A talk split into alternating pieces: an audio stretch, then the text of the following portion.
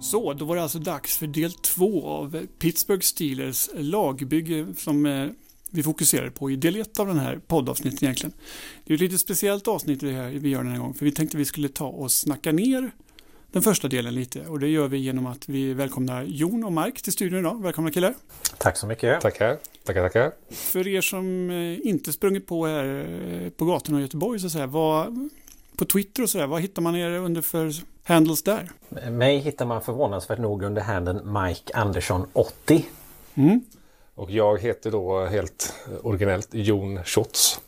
Mm. Så som min stavas. Och ni är ju här i egenskap egentligen av att ni är rejäla Steelers-fans. Och det är det vi ska prata om idag. Vi ska ta oss från 1969 genom drafterna fram till 1974 års draft där Steelers lyckades med konststycket att plocka fyra stycken framtida Hall of Famers. Det var ju deras magnum, säger man magnum opus va? Mm. Och de lyckades även plocka en femte det året, eh, men det var ju utanför draften. Men om vi bara ska börja med att blicka tillbaka lite. Hur kommer det sig att ni två eh, liksom fastnade för Steelers? Om vi börjar med dig Jon? Jag tänkte vi skulle börja med Mike faktiskt. Alltså ni har lagt upp en helt, har ni ett manus killar? Det så ja, man, man, kan nästan tro det. Men eh, jag, vi, jag, jag har inget val kan man säga. Jag är eh, född i Pittsburgh. Eh, son till en amerikansk mor och en svensk far. Och eh, således eh, har jag inte haft särskilt mycket val annat än att man måste hålla på Steelers. Eh, det är inte ett val jag någonsin har ångrat. Men när vi flyttade till Sverige när jag var barn så eh, följde Steelers med oss. Så kan man säga. Det var via tvång. Eh, det fanns ingen tvång i detta. Eh, jag har många släktingar som är helt ointresserade av amerikansk fotboll. Men de tillåts ändå inte vara helt ointresserade utav Steelers. Så lite tvång mm. men mest eh, egen vilja. Så får man säga det. Grupptryck alltså. Mm. Ja. Mm. Och du då Jon? Ja, nej men jag träffade ju Mike på universitetet och vi åkte över tillsammans och gjorde examensarbete eh, 2004. Och det var ju också samma år som Big Ben hade sin rookie-säsong. Det gick 15-1 och man lärde sig jättemycket om hur det funkade. Så att där var jag ju fast eh, mm. helt enkelt. Och då var det klart att det var Steelers som i och med att vi ändå var i Pittsburgh och gjorde examensarbetet. Så att det var, nej, därefter det var jag högst och försökte övertyga alla hemma liksom hur bra amerikansk fotboll var. Och det gick ju lite halvdåligt kan jag säga första åren. Ja, det kan vara småtufft med det här missionerandet ibland. Men var det din första kontakt med sporten så att säga? Jag hade sett Eh, ett Super Bowl med Mike en gång. Eh, det var när Patriots slog Carolina där och jag somnade i halvtid men vaknade upp lagom till det avgörande fyrgålet. Så jag var ändå rätt nöjd för att vara första ja, gången. Du har den klassiska bilden på näthinnan där i alla fall. Eh, en stor grej med det här avsnittet är ju någonstans också att reflektera över. Dels handlar det om storheten i Steelers någonstans, vad de, alltså vad de tog sig, hur de tog sig fram under den här perioden och sedermera även egentligen dominerade under 70-talet. Men om vi ska bara ta och blicka tillbaka, vi nämner det i första delen egentligen, men hur illa ställt var det i Pittsburgh innan Chuck Noll eh, kom till makten, eller på att säga? Ja, Chuck Noll blev ju anställd 1969 och Steelers bildades 1933. När han blev head coach för Pittsburgh Steelers så hade de nått slutspel en gång. Så illa var det. De hade på sina första 38 år, alltså även en bit in på eh, Chuck Noll-eran, åtta stycken winning seasons av 38. Alltså säsongen när de vann fler matcher än vad de förlorade. Mm. De var eh, jättedåliga och de var dåliga konsekvent år ut och år in. Eh, mina äldre amerikanska släktingar eh, benämnde dem bara som same old Steelers. Det var det enda man sa och de fortsatte förlora. Um, och de har gjort många beryktade misstag genom åren. Det finns sådana finns klassiker som att de en gång i tiden draftade den legendariska quarterbacken Johnny Unitas. Mm. Som var från Pittsburgh. Och så kattade de honom i camp. Mm. Så att det, var, det var en lång, lång upprepning av sådana misstag under nästan 40 års tid. Så, så dåliga var de. Så Chuck Nolls tillträde var efterlängtat även om man inte visste att framgångarna stod runt hörnet kanske? Ja, det var ju det, det vi ska prata om idag är ju en helomvändning verkligen. Men det, det, var ju inte första försöket att helomvända Pittsburgh men det var det första lyckade. Mm. Och det har ju sen lyckats hålla i sig kan man säga egentligen i, i 50 år så det var ju väldigt lyckat. Men eh, innan dess var det också ett antal försök som inte lyckades. Men de tror jag vi skippar idag. Ja precis, vi behöver inte gå in på, eh, för då faller hela storyn här om vi börjar. Nej men det är sant, det, det är inte alltid man lyckas.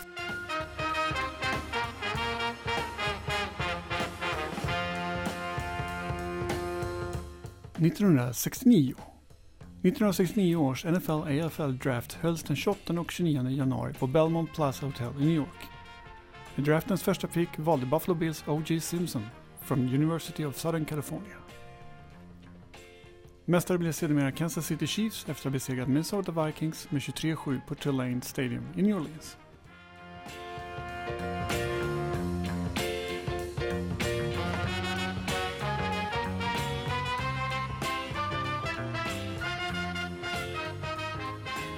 Men vi tar väl helt enkelt och rullar igång direkt då. Första året som vi ska beta av är ju 1969 och då är det ju alltså Chuck Knowles första draft egentligen med sitt nya gäng. Vad, vad kan vi säga, vad gick, när man går in i den här processen, vad, vart börjar man egentligen?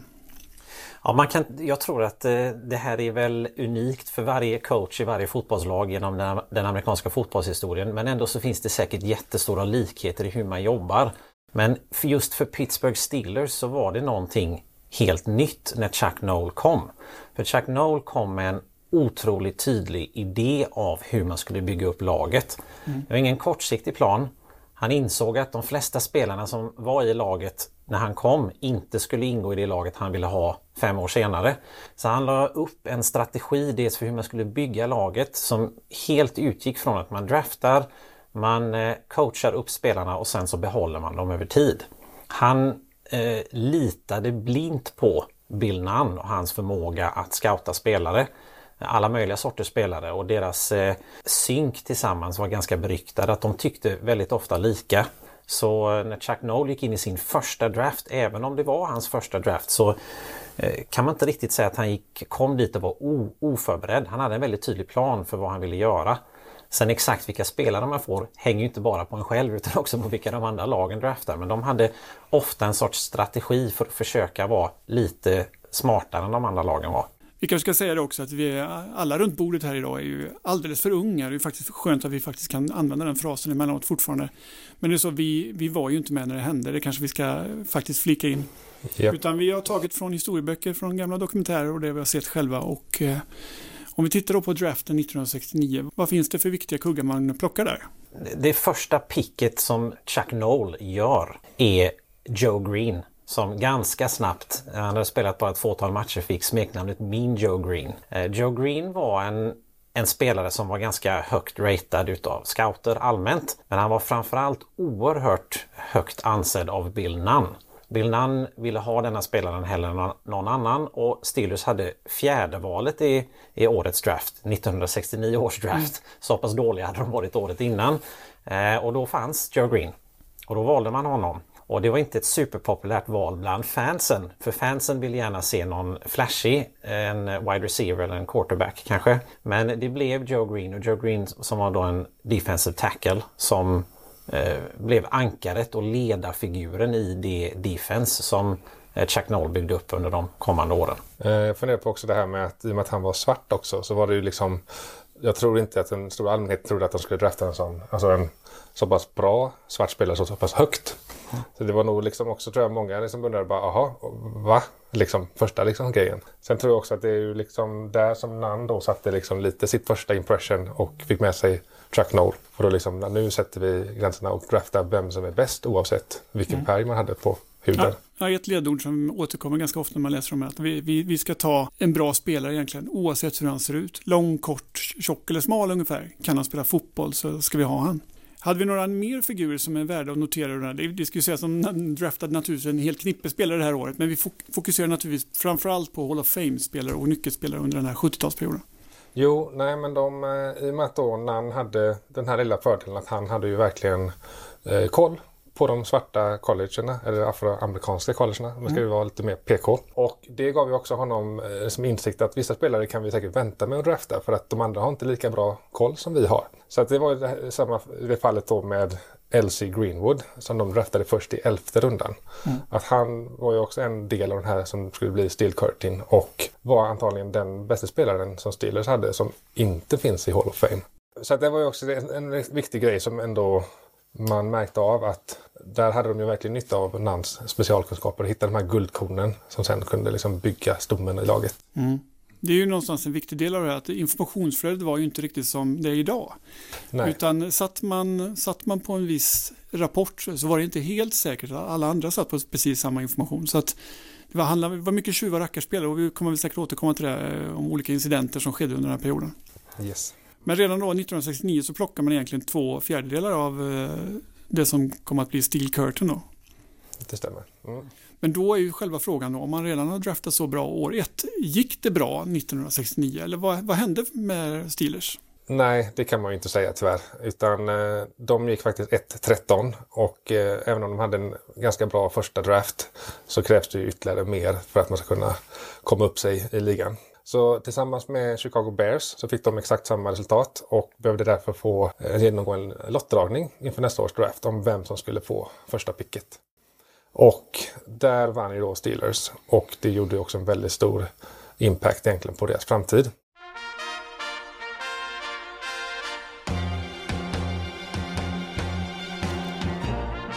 –1970. 1970 års draft hölls den 27-28 januari 1970 på Belmont Plaza Hotel i New York. Steelers öppnade hela tillställningen med att välja Terry Bradshaw, QB från Louisiana Tech University. Super Bowl vanns sedermera av Baltimore Colts som tvålade till Dallas Cowboys med 16-3 i Super Bowl 5 på Orange Bowl i Miami. Så då var det alltså dags för 1970 och som du var inne på det Jon så var ju då det lottdragning eller slantsingling mellan Chicago Bears och Pittsburgh Steelers om vem som skulle få det första picket. Och vi nämnde ju att det här kanske var en väldigt viktigt pick och vad, vad gjorde man av detta då? Är det någon av er som vill berätta lite? Här?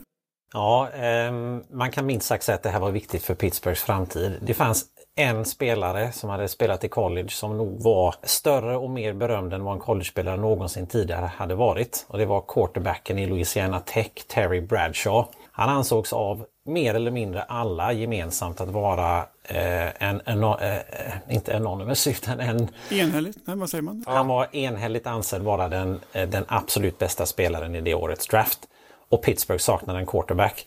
Så det krävdes nog ingen expert för att räkna ut vilka de skulle ta med sitt första pick. Mm. Så de plockade quarterback Terry Bradshaw som eh, man nog hade väldigt höga förväntningar på att han skulle vara bra med en gång.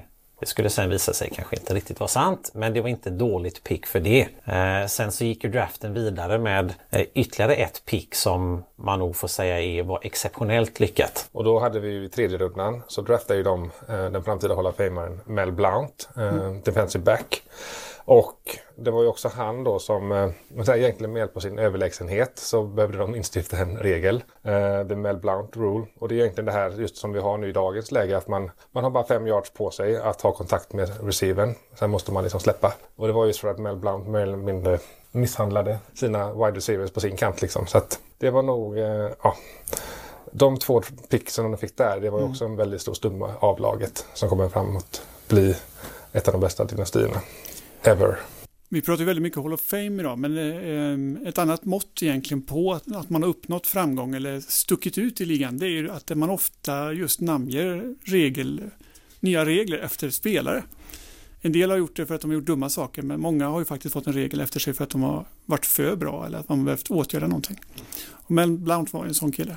Om vi tittar på ehm, säsongen i övrigt då. Ehm, du nämnde det att Terry Bradshaw var inte riktigt en succé från dag ett. Är det, det är ju ändå en stor legend i NFL vi pratar om. Vad, vad hände egentligen? Ja, Steelers draftade ju faktiskt även en quarterback i andra rundan och det var riktigt sån klassisk quarterback competition första året. Eh, Bradshaw spelade mest men eh, de hade quarterbacksen innan i laget och två rookies som eh, konkurrerade om att spela.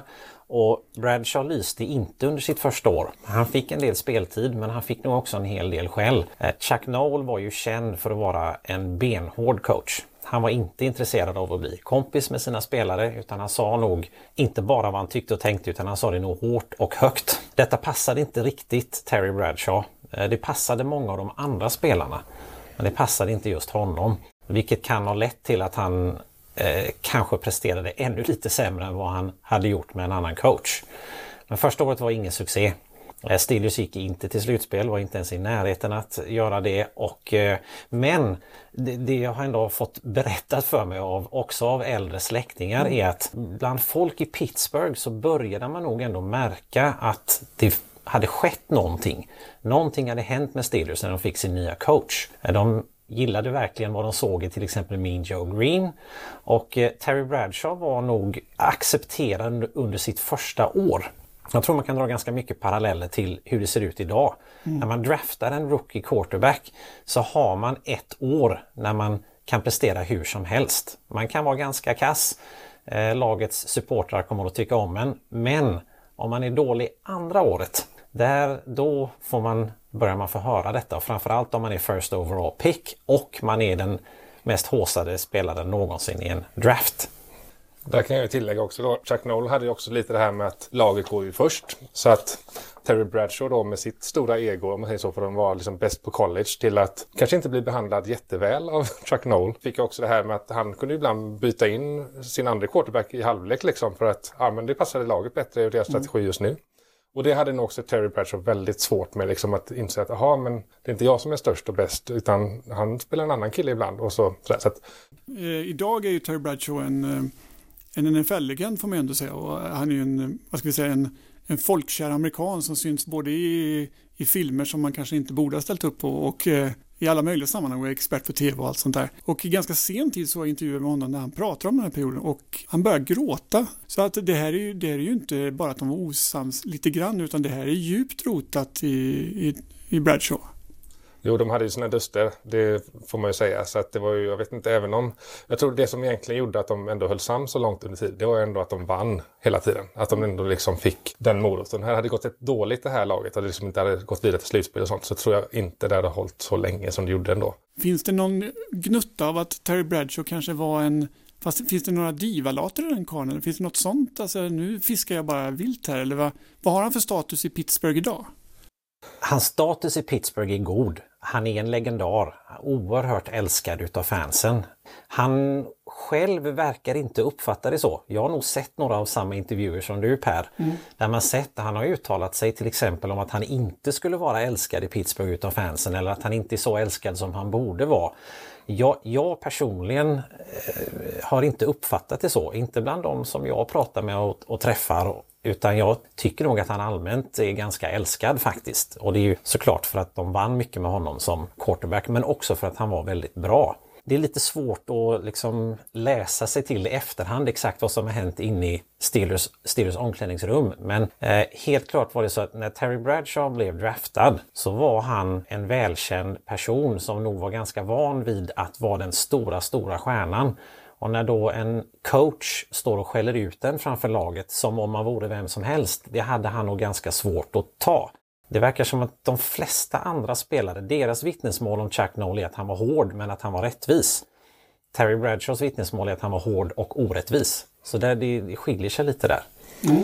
Sen är det också det här att det som kommer bli sen är ju att Steelers var ju kanske inte känd på att de var så offensivt bra under den här eran. Utan det kommer ju vara att det är defensiven, defensiva delen av laget som kommer vara de stora stjärnorna. Så det kanske ändå kommer vara någonting som också Bradshaw tycker det är lite jobbigt liksom att det är inte de som driver laget framåt egentligen. Ja, utan... Han var inte fokalpunkten i bygget riktigt. Nej, utan det var ju snarare liksom det defensiva spelet. Så att, mm.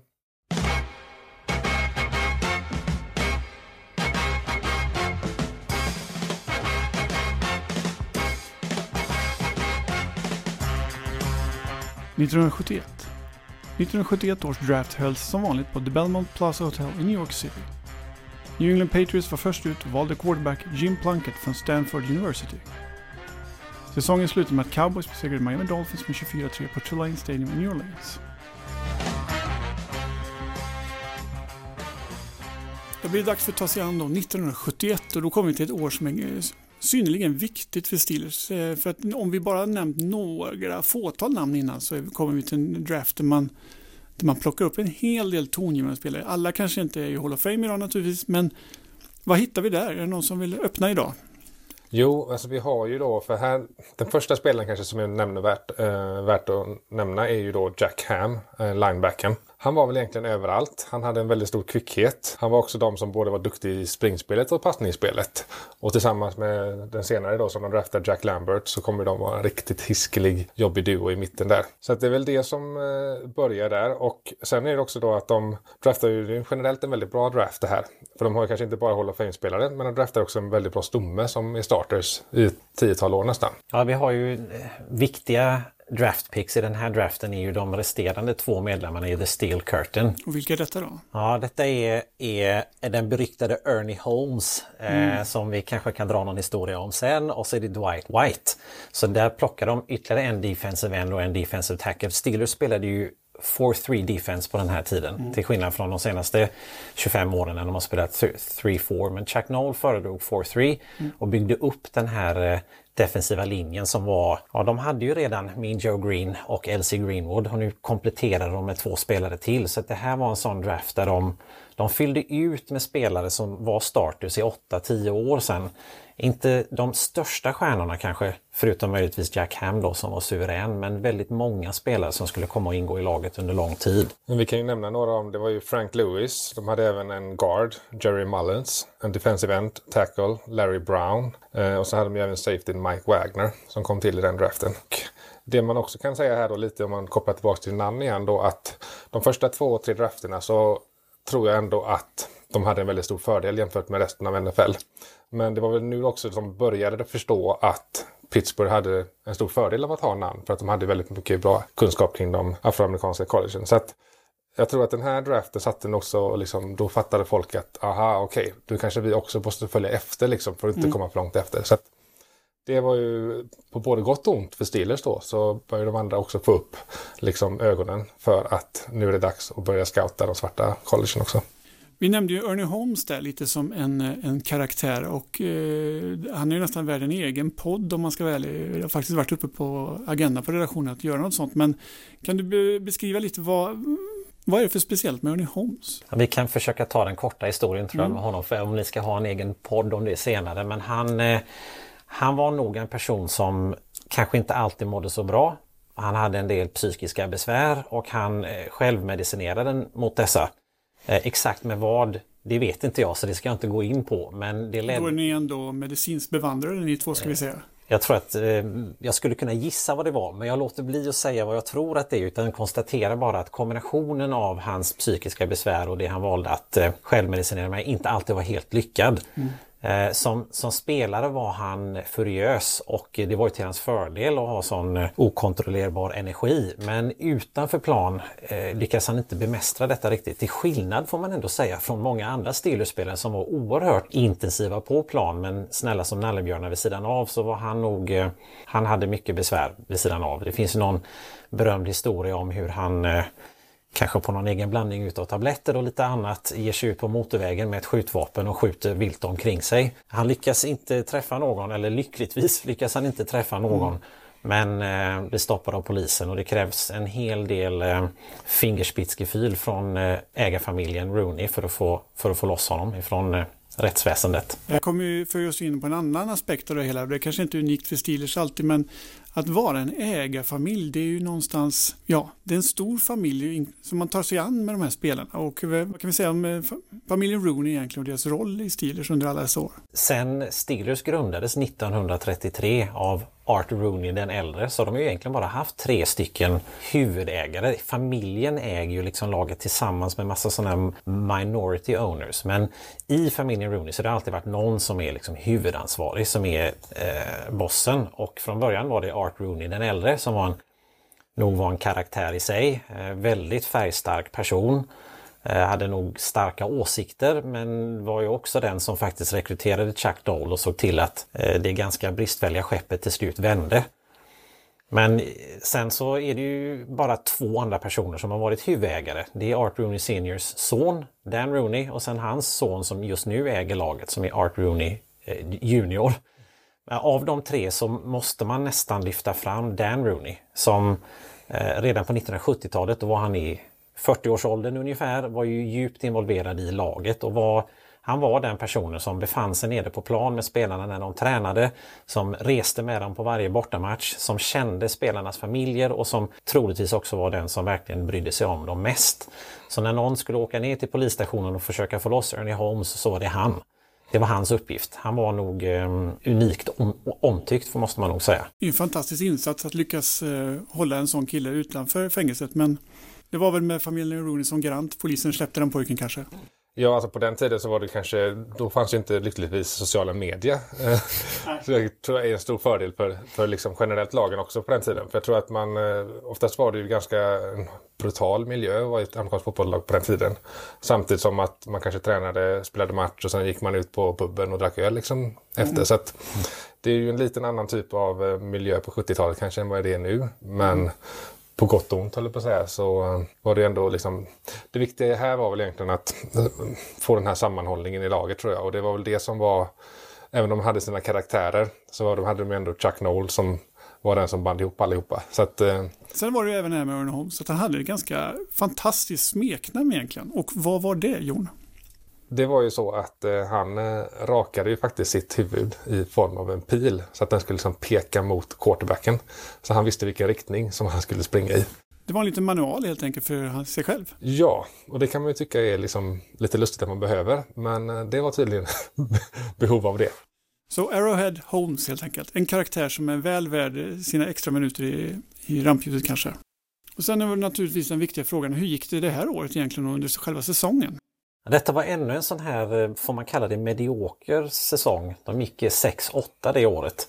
Och det kan man tycka att det är nästan ett steg framåt jämfört med hur Stelius hade varit alla mm. åren innan. Men faktum är att nu började folk ställa lite krav på laget. Det hade skett en förändring ändå bland fansen när de insåg att Steelers kanske inte är same old Steelers. De är kanske inte så uselt dåliga. Nu har vi ändå draftat en quarterback och vi har ett defense som verkar bra. Men så gick de ändå 6-8. Så jag tror att detta var nog, detta var nog det tuffaste året framför allt för Terry Bradshaw. För detta året blev han ganska hårt kritiserad. Fansen buade ut honom från arenan emellanåt och återigen så var det nog faktiskt Dan Rooney som såg till att han inte klappade ihop. För jag tror att han fick ingen sympati från coachen, han fick ingen sympati från fansen. Men Dan Rooney, som den medmänniska han, han var, såg nog till att Terry Bradshaw fortsatte att må åtminstone hyfsat bra.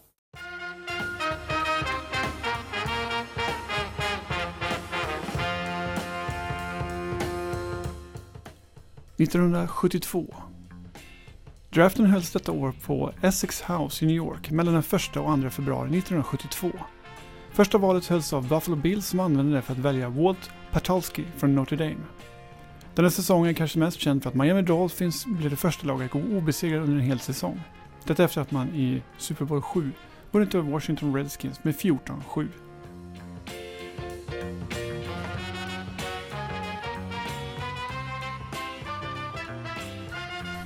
Vi rullar vidare helt enkelt med 1972. Och hur ser Steelers draft ut detta år då? Det här var ju det året då man behövde en ytterligare en running back. Och den situationen presenterades i form av Franco Harris som de tog i första rundan. Och han hade ju då lite italienskt påbrå. Eh, och det var ju också populärt bland fansen som kallades då för Francos Italian Army. Men han satte direkt från dag ett prägel med sin liksom träningsintensitet och liksom han var också en av de här kanske väldigt tuffa killarna på plan men han också var väldigt schysst spelare av plan. Så det var ju tillsammans med Rocky Blyer, andra running backen där, en väldigt duktig och farlig eh, tandem. Och det gjorde ju också att nu hade de ju både ett offense som kanske var lite mer vad säger, likvärdigt kan jag inte säga till deras defense men ändå någonting som också kunde göra saker framåt. Mm, lite aningen mer potent i alla fall. Exakt. Resten av draften dock var ju inte kanske det var helt okej, okay, men det var inget liksom, nämnvärt där som vi kanske... Ingenting som får en plats idag i alla fall. Nej. Om vi tittar på Franco Harris så är han ju en, eh, en legend idag. Kan vi säga, alltså, vi kan gå händelserna i förväg och säga att han var ju med i laget ett, ett tag framöver. Kan vi säga något om hans karriär överlag i NFL? Hans karriär överlag var väl superlyckad men han, han spelade ju nästan hela sin karriär i Pittsburgh. Det var först på allra slutet som han Eh, fick vara tvungen att byta klubb över en lönediskussion. Eh, men han spelade bra må många säsonger i Steelers. Jag tror bara han spelade faktiskt en säsong i en annan klubb. Ja, ehm, och då ehm, eh, Eh, blev, var det väl ingen tvekan om vart han hade sitt hjärta hela tiden. Han hade nog gärna fått avsluta sin karriär i Stelius men det blev inte så. Men det där, det där är ju ganska vanligt tyvärr att just sista eller sista två åren eh, så hamnar man någon, någon annanstans. Det blir ju 12 säsonger i alla fall i Steelers och eh, han stannar väl någonstans på över 12, 12 000 yards ska vi säga. Och vi kan väl värt att notera i sammanhanget att Steelers har ju inte pensionerat så särdeles många tröjor genom åren. Utan det är två stycken därav, till exempel Joe Green som vi nämnde här tidigare. Men det är ingen som har burit i alla fall Frank Harris tröja nummer 32 sedan dess vad jag förstått. En hederssak. Mm. Och om vi går vidare här då och tittar på säsongen då. Så var den aningen mer framgångsrik än vad vi haft tidigare i alla fall. Nu börjar man se någonting va? Nu äntligen tror jag eh, folk i Pittsburgh tänkte äntligen. Steelers gick 11-3 det året. Och det märktes att nu hade de eh, via flera drafter hittat tillräckligt många bra spelare och var tillräckligt bra coachade för att vara bra. Man ska nog komma ihåg att vid den här tiden, 1972, så har Pittsburgh ett av landets absolut bästa baseballlag. De delar dessutom eh, samma arena. Båda lagen spelade på Three Rivers Stadium. Och Pittsburgh Pirates som baseballlaget heter, de var superbra. De hade vunnit World Series bara året innan och var definitivt det stora laget i stan. Men så kom 1972 och äntligen så var Steelers bra och det, det började liksom bubbla kring laget och de nådde slutspel för blott andra gången någonsin och ställdes mot Oakland Raiders och slutet på den matchen är ju i alla fall för alla Steelers-fans absolut en klassisk händelse kanske en av de mest kända spelen i NFL-historien som har fått namnet The Immaculate Reception. Och kan vi, för, för de som inte har sett det här klippet, det är väl nästan svårt att undvika om man följer amerikansk fotboll, men kan vi beskriva det lite försiktigt hur, vad var det som hände?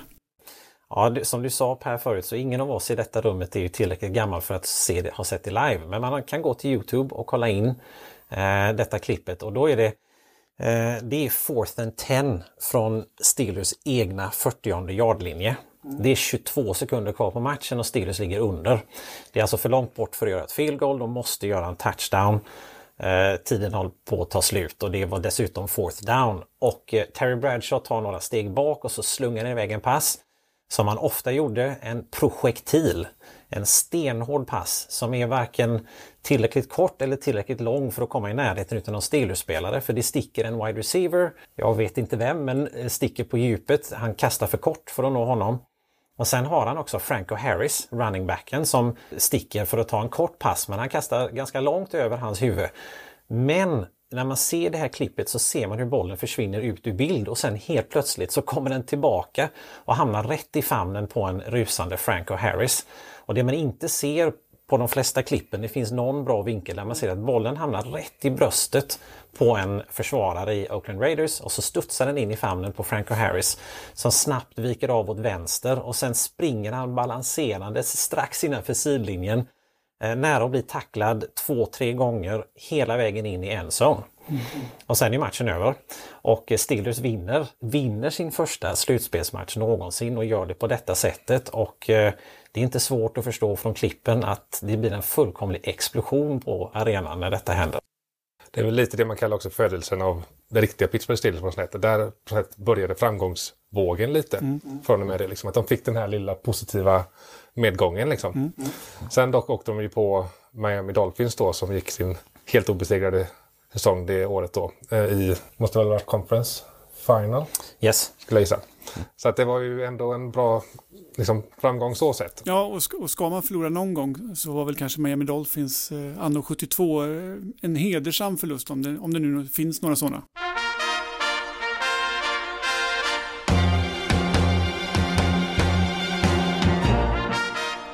–1973. Draften hölls på Americana Hotel i New York den 30-31 januari 1973. Houston Oilers var först ut och valde John Matusak från University of Tampa. Säsongen slutade med att Dolphins återigen vann Super Bowl. Denna gång genom att besegra Vikings med 24-7.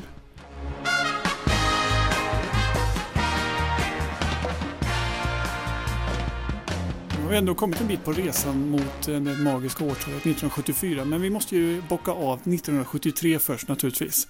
Och hur ser denna draft av? Vi nämnde ju att 72 års säsong var ändå en framgång och nu skulle man gå in i 73 och visa vad skåpet skulle stå i alla fall. Jo, alltså det hade man ju hoppats. Men eh, det som blev var väl att det blev inga Hall of Famers den här draftklassen tyvärr. Men det är ju helt okej okay också. Man kan ju inte drafta Hall of Famers på löpande band hela tiden.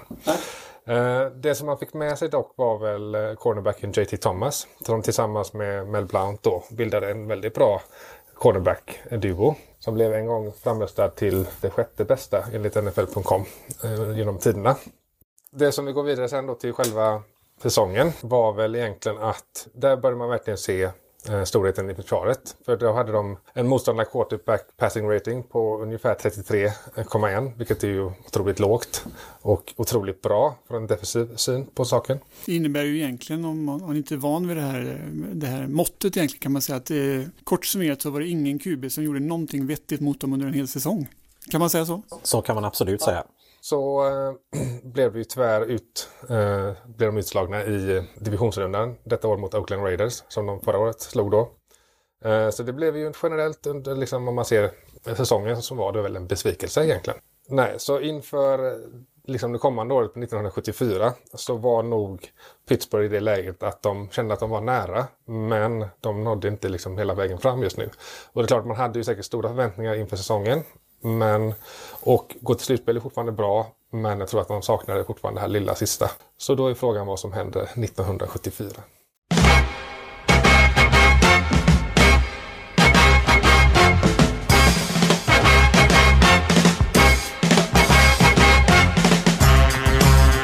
–1974. Draften hölls på The Americana Hotel i New York den 29 till 30 januari. Dallas Cowboys hade första picket och valde Ed Too Jones från Tennessee State University. Mästare detta år blev Pittsburgh Steelers som besegrade Minnesota Vikings. Då var vi så att säga äntligen framme 1974, det vill säga det som, eh, ska säga, som vi alla har väntat på. Året då Steelers lyckas med konststycket att drafta fyra stycken framtida Hall of Famers och dessutom snappa upp en ytterligare femte utanför draften. Och här kommer det bli mycket namn, så håll i hatten så tar vi väl dem helt enkelt eh, en åt gången. Vart börjar vi Mike? Ja, vi får börja med första pick, eller Steelers första pick i första rundan. Nu fick de ju faktiskt ett ganska sent pick i och med att de har varit bra ett tag. Men då plockar de wide receivern Lynn Swan som eh, det är en hård konkurrens vem av honom och en senare vald wide receiver från samma draft som är bäst. Men eh, han var helt klart en lysande spelare. Han var högt ratad utav scouts eh, tvärs över brädet. Eh, Bill Nunn älskade honom. Det var inte särskilt svårt för honom att övertyga coachen om att de skulle välja honom i första rundan. Och det har de nog sen aldrig ångrat. Han var både snabb och spänstig och fantastisk med bollen i handen. Han gjordes nog nästan bättre av att de lyckades drafta en annan riktigt bra wide receiver samma år. Så där måste man börja. Och sen så kommer man till den spelare som kanske för en, en Pittsburghbo är den mest legendariska spelaren i hela klubbens historia. Och det är den spelaren de tar i andra rundan. Och det är linebackern Jack Lambert. Och om man inte vet vem det är och lyssnar på detta så kan man googla honom och hitta en bild. Och så kommer man att känna igen bilden. För hans, hans flin går inte att ta miste på. Han hade ett gäng proteser eh, och de hade han i när han var vid sidan av plan. Och det ryktas om, eller det sägs, att han var en supersnäll kille vid sidan av plan. Det var han inte på planen och han tog gärna ut sina proteser och smilade åt quarterbacken som han alldeles strax tänkte sacka väldigt, väldigt hårt. Och är eh, en oerhört älskad spelare i Pittsburgh Steelers historia. Man kan ju säga att eh, det är ett ansikte bara en mor kan älska. Så det kan man definitivt säga. Det, det, finns ju massa historier från motståndare om honom. Han, han, var den spelaren man var mest rädd för därför att han tacklade hämningslöst. Inte nödvändigtvis fult, men absolut stenhårt. Och eh, det finns något citat från John Elway när han spelar sin första match, möter Pittsburgh Steelers, tittar upp och ser Jack Lamberts flin och tänker jag borde lyssnat på min mor och blivit revisor istället. Men det känns också som att han är lite den här karaktären. Man visar upp en bild från en spelare från 1970-talet från amerikansk fotboll. Ja. Då är det liksom Jack Lambert man visar upp med sitt tandlösa grin. Och liksom bara... Det sammanfattar tidsandan på något vis. Det var, en, det, var ju, det var ju andra regler och en hårdare spel kan vi väl eh, minst sagt säga. Eh, så efter det då så vi hade faktiskt inget eh, tredje runda pick det året för Steelers. Utan det var först i fjärde då som de hade ett nytt val och där plockade de då John Stalworth, wide receiver. Och bakgrunden här är egentligen då att Chuck Noll och Bill Nunn älskade ju John Stalworth. Och vill mm. egentligen, Chuck Noll ville egentligen ta honom redan i första rundan. Men Bill Nunn då, till vi förklara alldeles strax, sa att men vi behöver inte ta honom i första rundan. Det, det kommer vara lugnt att ta honom senare. Han kände sig lugn med det alltså? Och då är frågan, varför visste han det? Mm. Jo, för det var så här när John Stalworth hade sin och det här, tryout då, eller pro day, om man kallar det för på den tiden, på sitt college. Ska vi säga, det fanns ju ingen combine på den här tiden utan man, man bjöd in scouter till skolan och så fick man titta på spelaren och själv ta lite tider och känna på honom, rent ut sagt. Helt sant, exakt. Och just den här dagen som de skulle då eh, kolla på John Stalworth och de skulle springa lite och de skulle kasta lite så här, så var det ganska regnigt. Och han gjorde väl också en ganska dålig tid på 40, 40 yards. Och det var ju väldigt många scouter då som bara lämnade det där och sa, det här var ju ingenting. Utan så här. Men Bill Nunn som ändå hade lite så här tänkte att men det här kan inte riktigt stämma. Så han var kvar lite, vände och gick tillbaka sen och frågade liksom om men du John, kan vi kanske ta, jag stannar kvar här så kan vi springa imorgon igen när det är lite torrare. Så det gjorde de och då fick han ju en klart mycket bättre tid när det var torrt och allting. Och samtidigt så bad han då också colleget där att få lite scoutvideos då av John Stalworth. Och då sa ju då college, ja men det kan du få så länge du skickar dem vidare sen då till de andra scouterna från de andra lagen. Ja. Och Bill Nunn, absolut, det är inga problem. Men den lilla detaljen var att han gjorde riktigt, aldrig riktigt det. Mm. Utan han kollade på dem och sen så lämnade han i sig tillbaka dem. Men då var det kanske ett fåtal dagar innan draften. Så det var inte så många andra lag som såg de filmerna. Mm. Så därför kände han då att ja, men vi kan ta det lite lugnt, vi kan vänta lite. Så därför kunde de även plocka upp en andra, mer eller mindre Hall of Famer i fjärde rundan. De fick alltså två egentligen för en. Mm. Med hjälp av då, om man nu ska kalla det för lite småfula trick, men dock taktiskt och smart av Bill Nunn. Ja, de var säkert inte de enda som utnyttjade att informationsflödet inte var så bra alltid. Men det räcker ju inte där, utan vi var ju inne också på att det hade en fjärde Hall of Famer från eh, det här året. Och det var ju då i femte rundan som de draftade centern Mike Webster. Eh, och han är väl uppe i i alla fall topp tre av de bästa centrarna genom tiderna har de ju sagt. Och även om han hade en väldigt, väldigt bra karriär inom Steelers så får man tyvärr säga då att efteråt så blev han lite ansiktet utåt för det här just det här med CTE och eh, hjärnskakningar. Och, och han fick ju en hel del huvudskador tyvärr och avlevde ju bara eh, för 50 år gammal av en mm. hjärtattack. Och hans hjärna beskrevs som att den hade varit med om 25 000 bilolyckor. Så man kan ju förstå tyvärr att hans sista år var nog ingen riktigt rolig resa där. Han drabbas ju en hel del av psykisk ohälsa och sånt där också. Så. Han spelade väl extremt, ganska extremt länge i ligan har för mig också. Det gjorde han. Han höll ju på ända fram till 1991. Så mm. det är ju nästan på en 17 16-17 år. För att liksom i den typen av, jag menar, jag tänker dagens sam, ja, samhälle, men i dagens eh, liga där man har lite mer sansade regler och man har ändå tänkt lite mer på spelarnas säkerhet så får man ju fatta att att spela i 17 år med den brutala liksom, eh, spelstilen som var på den tiden.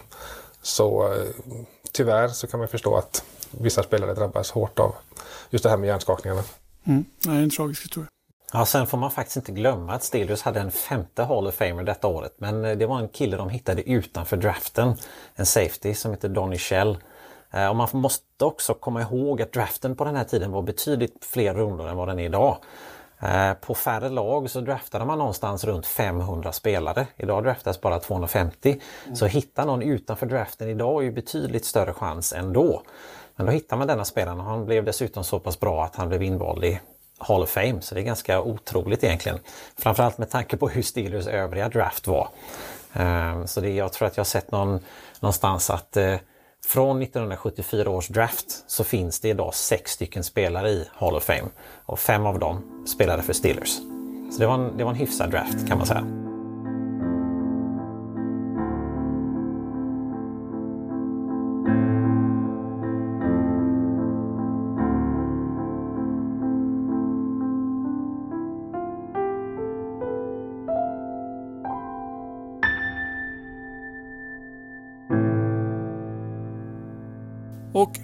Mycket vi än vill prata om 1974 års draft så är det ändå så att vi kanske ska viga en liten snutt av du åt hur det gick under säsongen. Eller vad säger ni killar?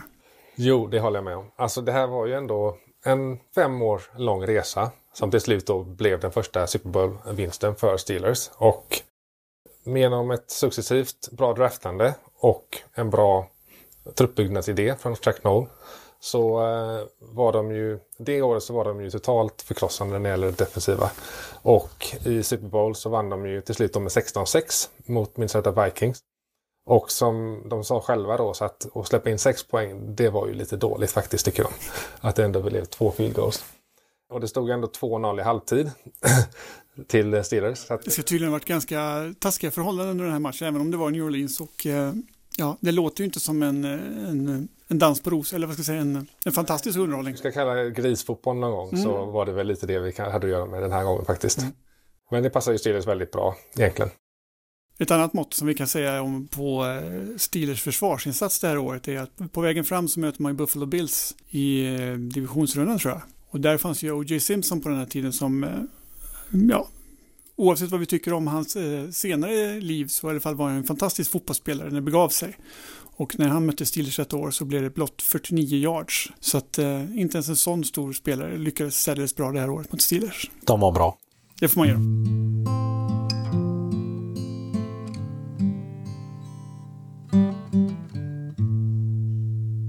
I och med det så är vi egentligen i mål med vår uppgift att ta oss fram till 1974 års draft. Men vi kan ju egentligen inte bara lämna Steelers här. Det ska ju sägas att det här är, vi pratar ju om en dynasti som då är verksam under ja, stor, ja, under hela 70-talet egentligen. Och det börjar väl avta någonstans vid eh, 1980 när skador börjar ta ut sin rätt och lite sådär. Men det är ju hela fyra Super Bowls man eh, tar hem under den här perioden.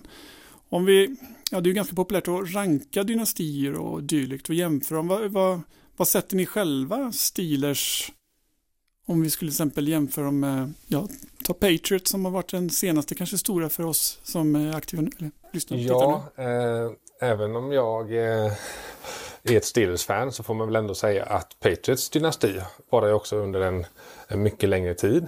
Eh, de hade också en väldigt, alltså konsekvent att de var på Nivå liksom under en väldigt lång tid. Så det som man kanske kan säga eh, skillnader och likheter mellan de här två dynastierna det var ju att de hade, båda hade en coach som hade en väldigt fix spelidé. Det här med laget framför allt. Det som då Steelers kanske inte hade var att de hade ju inte en quarterback kanske så som var på samma nivå som Brady när det gäller att sätta laget framför allt. Eh, för Brady kunde kanske ta en utskällning eller två från, från Belichick utan att liksom, på något sätt må dåligt av det. I alla fall inte utåt alltså, så att säga. Eh, medan Bradshaw hade ju med sitt ego kanske och lite svårare för Chuck Noll. Ehm, så där tror jag att den, den, liksom, den oslagbara kombinationen då som Patriots hade lite med coachen och quarterbacken helt synkade gör ju också att det är mycket lättare kanske att hålla en, ännu längre period. Sen får jag ju säga då att jag kan ju tycka att Patriots dynasti ändå rankas högst ändå. Eh, I och med att det var under en sån lång period. För jag menar, jag tror att även i dagens liksom, eh, spelvärld, där vi spelar nu, där är det ju, man kanske klarar en 3, 4, 5 år. För då kan man ha en viss stomme som man kan behålla. Och i och med, med liksom allting med cap och allting nu så är det väldigt svårt att behålla dem under en väldigt lång tid. Liksom. Mm. Så det får man ändå säga tycker jag är otroligt stort av Patriots. Sen om man liksom går efter det så kan jag tycka att Steelers rankas ju som topp 1, topp 2. Lite, eller liksom topp 2 topp 3. Lite beroende på hur man ser på 49ers, Cowboys liksom. Men alla de tre där är väl liksom någon slags 2, 3, 4. Sen i vilken kombination eller i vilken ordning. Mm. Det är väl lite upp till vad fansen säger. Det här med löne, lönesystem eller liksom kontraktsystem är ju ganska intrikat egentligen. Jag vet inte om alla är bevandrade och det är knappt man är bevandrad själv. Fast man, om vi backar till 70-talet då, vad är, vad är det för värld eh, Steelers verkade i? Liksom? Kan vi säga något om, var det en fördel eller nackdel? Eller hur funkade det egentligen på den tiden? Eh, utan att kunna det här med lönesystemet på 70-talet i, i detalj så vet man ju... Ja, det, man vet ju hur det är idag. Idag är det, det är svårare att följa det manifest som Chuck Noll la fram på Art Rooneys bord 1969, nämligen att man draftar spelare man vill ha, man utvecklar dem och sen släpper man dem aldrig. Det går inte riktigt att göra idag därför att med lönetaket som finns så kan man inte behålla alla. Det är, det är omöjligt. Man måste drafta lite rookies för att få lite billiga kontrakt. Då kan man behålla några som är dyra. Eh, hade Steelers motsvarande lag funnits idag hade de aldrig kunnat vara i, inom samma dörrar därför att inget lag hade haft råd med dem. Patriots som vi pratade om alldeles nyss, de har ju lyckats inte runda detta men de har lyckats tweaka detta lite genom att få ganska många spelare som skulle kunnat fått högre lön någon annanstans och stanna. Den, de dagarna kanske är förbi. Men de hade väldigt många sådana dagar under väldigt många år. Men om man tar Stelius på 70-talet så fanns inte samma problematik med eh, ett lönetak och lönerna var inte heller i närheten av vad de är idag. Så Stelius hade ju möjligheten att behålla sina spelare under hela sin storhetsera. Eh, och det är ju alltså om det är något, något ord man tänker som Steelers-fan att andra fotbollsfans ska tänka om Steelers så är det väl ordet kontinuitet. Och det var kanske huvudledordet i eh, Chuck Knowles manifest. Och det, det lever ju Steelers fortfarande efter idag. De har haft en otrolig kontinuitet när det gäller coacher. Chuck Noll lyckades ju inte bygga upp ett, ett nytt storlag. Han var kvar som coach till 1988 tror jag. Alltså sedan 1988 till nu. Så de har bara haft två coacher. Först Bill Cower och nu Mike Tomlin. Så de har haft tre coacher under över 50 års tid. Det, det är kontinuitet och det är Eh, inte alla som ser det som en fördel. Många tycker att man ska byta om ibland och få in lite nytt blod men det, det är inte Stelius melodi. Eh, deras idé är att man ska ha så mycket man kan och eftersom att det inte går att ha samma kontinuitet på spelarna så ser man till att åtminstone ha det på coacherna. Om vi tittar framåt för Steelers nu, om vi nu pratar kontinuitet och vi pratar om Bradshaw som, som hade en tuff början innan det tog sig för honom. Ni går in i en ny fas här utan Big Ben. Kommer vi få se kontinuitet eller kommer vi få se eh, vad ska jag säga, en kappvändning och att man byter ut eh, två, tre ungdomar innan man hittar rätt? Eller vad tror du man kommer? Det här är väl eh, det ovissaste jag har upplevt under min styrelsekarriär. Liksom. Jag har ju faktiskt bara upplevt en, mer eller mindre en quarterback och det har varit Big Ben från 2004 till nu då. Så att för min del så går jag också in i en helt eh, okänd typ av period. Liksom den här ovissheten som kanske andra lag som inte har en franchise quarterback eh, upplever. Så att där tror jag att, jag vet ju inte heller, nu är ju Trubisky, har vi ju eh, signat honom, men jag är ju inte alls säker på att vi inte kommer välja en eh, quarterback första rundan heller. Det kan vi mycket väl göra. Um, det har snackats väldigt mycket om 2023 års quarterback-bredd så att säga då, eller topp kanske så säga också. Så jag vet inte, samtidigt tror jag ändå Steelers är ändå som sagt, de vill alltid vara med och försöka vinna Super Bowl. De tänker inte tanka ett år och sen börja om på, på nytt. Liksom. Utan nu har de ju fortfarande de har ett väldigt bra lag i sig. De har vissa saker de behöver liksom fylla på och så. Men jag tror ändå att de kommer försöka göra så bra de kan. Och om Trubisky kan uppvisa någon typ av kontinuitet och liksom inte göra dumma misstag. Kanske visa att han har mognat lite också när han varit i Buffalo Bills nu ett år. Så hoppas jag verkligen att det är någonting som kommer bli succé ändå. Jag tror ju att eh, Trubisky är en klassisk så kallad stopgap. Att det är en spelare, de tror nog inte att han ska bli en franchise quarterback. Men de tror troligtvis att han är good enough just nu. Att man kan vinna matcher med honom och de övriga spelarna som de har. Jag är tämligen övertygad om att den långsiktiga planen är att drafta en franchise quarterback. Vem det är eller vilket år det blir, det är ju det som alla Steelers-fans går och undrar. Blir det i år, blir det nästa år eller blir det om tio år? För det fanns ju faktiskt en tid mellan Terry Bradshaw och Big Ben och den tiden var ganska lång. Mm. Och den innehöll en del toppar.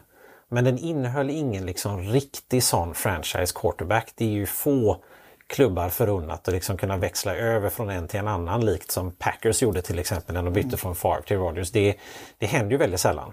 Steelers hoppas ju att det ska bli så men jag tror att ska man vara realistisk så får man nog räkna med att det kanske kommer dröja några år innan vi har någon på plats. Och innan jag släpper iväg er ut i Göteborgsnatten här. Det är ändå så att vi har en draft runt hörnet och eh, Ja, det kanske inte alltid man har en spelare man önskar, men det kanske är någon position. Vad säger ni? Vad, vad vill ni att Steelers tar med sig från årets draft? Nu har ju de varit väldigt förvånansvärt aktiva i Free Agency. Ehm, de har ju täppt igen en hel del hål. Ehm, dock tror jag att de i många fall också tänker att vi vill inte ha så stora hål inför en draft. Så då kan man drafta Best Player Available. Eh, men om vi ser, om, riktar in oss på första rundan till exempel till att börja med. Så jag tror ju kanske att de inte väljer en quarterback första rundan. Men jag ska inte säga att det är helt så. Eh, men jag skulle vilja kanske antingen ha en eventuellt en cornerback eller eventuellt ja, defensive line, offensive line. Men eh, jag vet inte. Det är som alltid med Steelers så tycker jag de har samma, lite samma inför varje år. Att de gör så pass mycket de behöver för agency för att inte ha för stora hål. Och sen så försöker de ta bästa spelaren. Sen klart att det alltid styrs lite av needs och så. Men eh, ja, jag tror tyvärr inte att de tar någon quarterback, i alla fall i första rundan. Däremot tror jag att de eventuellt skulle kunna ta en i andra rundan om det är någon som liksom eh, droppar ner. Mm. Finns det något namn specifikt du eh, själv är nyfiken på? Jag tror egentligen den som egentligen var mest håsad inför förra årets draft, men han kom ju aldrig ut då, det var ju Sam Howell. Mm. Och jag tror eventuellt honom eller möjligtvis jag tror ju tyvärr inte att Malik Willis kommer falla till 20. Men jag tror att Malik Willis är ju säkert väldigt bra ur fantasy-synpunkt. Men kanske inte som riktig quarterback just nu. Han verkar lite raw. Så att det är antingen eventuellt Desmond Ridder eller Sam Howell tror jag eventuellt som Steelers kanske kunde vara intresserade av. Och om du hade valt, om du hade varit GM här, vem hade du valt? Då hade jag nog valt Sam Howell. Mm. Och du då Mike, hur ser du på kommande draft? Jag har ju i diskussioner med Jon och andra Steelers-fans stuckit ut hakan och sagt att jag är övertygad om att de tar en quarterback i årets draft. Sen skulle jag kanske inte sätta alla mina pengar på att det är första rundan, men tidigt, första eller andra rundan, tror jag att vi draftar en quarterback. Jag tycker att Free Agency talar för detta, hur de har täppt igen ett antal luckor med hyggliga spelare. Alltså kommer de eh, lämna draften öppen för att drafta saker som de kanske verkligen absolut måste ha. Och en quarterback är något de verkligen måste ha. Trubisky är okej, okay, men de behöver hitta nästa franchise quarterback och jag tror att det är inte en dålig strategi att ta en varje år tills man prickar rätt. Det enda jag är 100% säker på i årets draft är att de kommer ta en wide receiver. För det gör de alltid. Och sen kommer den receivern att bli ganska bra eller jättebra. Ehm, men eh, vem det är, det har jag ingen aning om. Nej, den som lever får se helt enkelt. Och med de orden så rundar vi egentligen av det här samtalet. Jag får tacka er, Mike och Jon, för att ni kom hit. Och vi får väl, eh, även om vi bär emot lite, önska Steelers all lycka framöver i, sina, i sin jakt efter QB och nya titlar. Tack, Tack så mycket.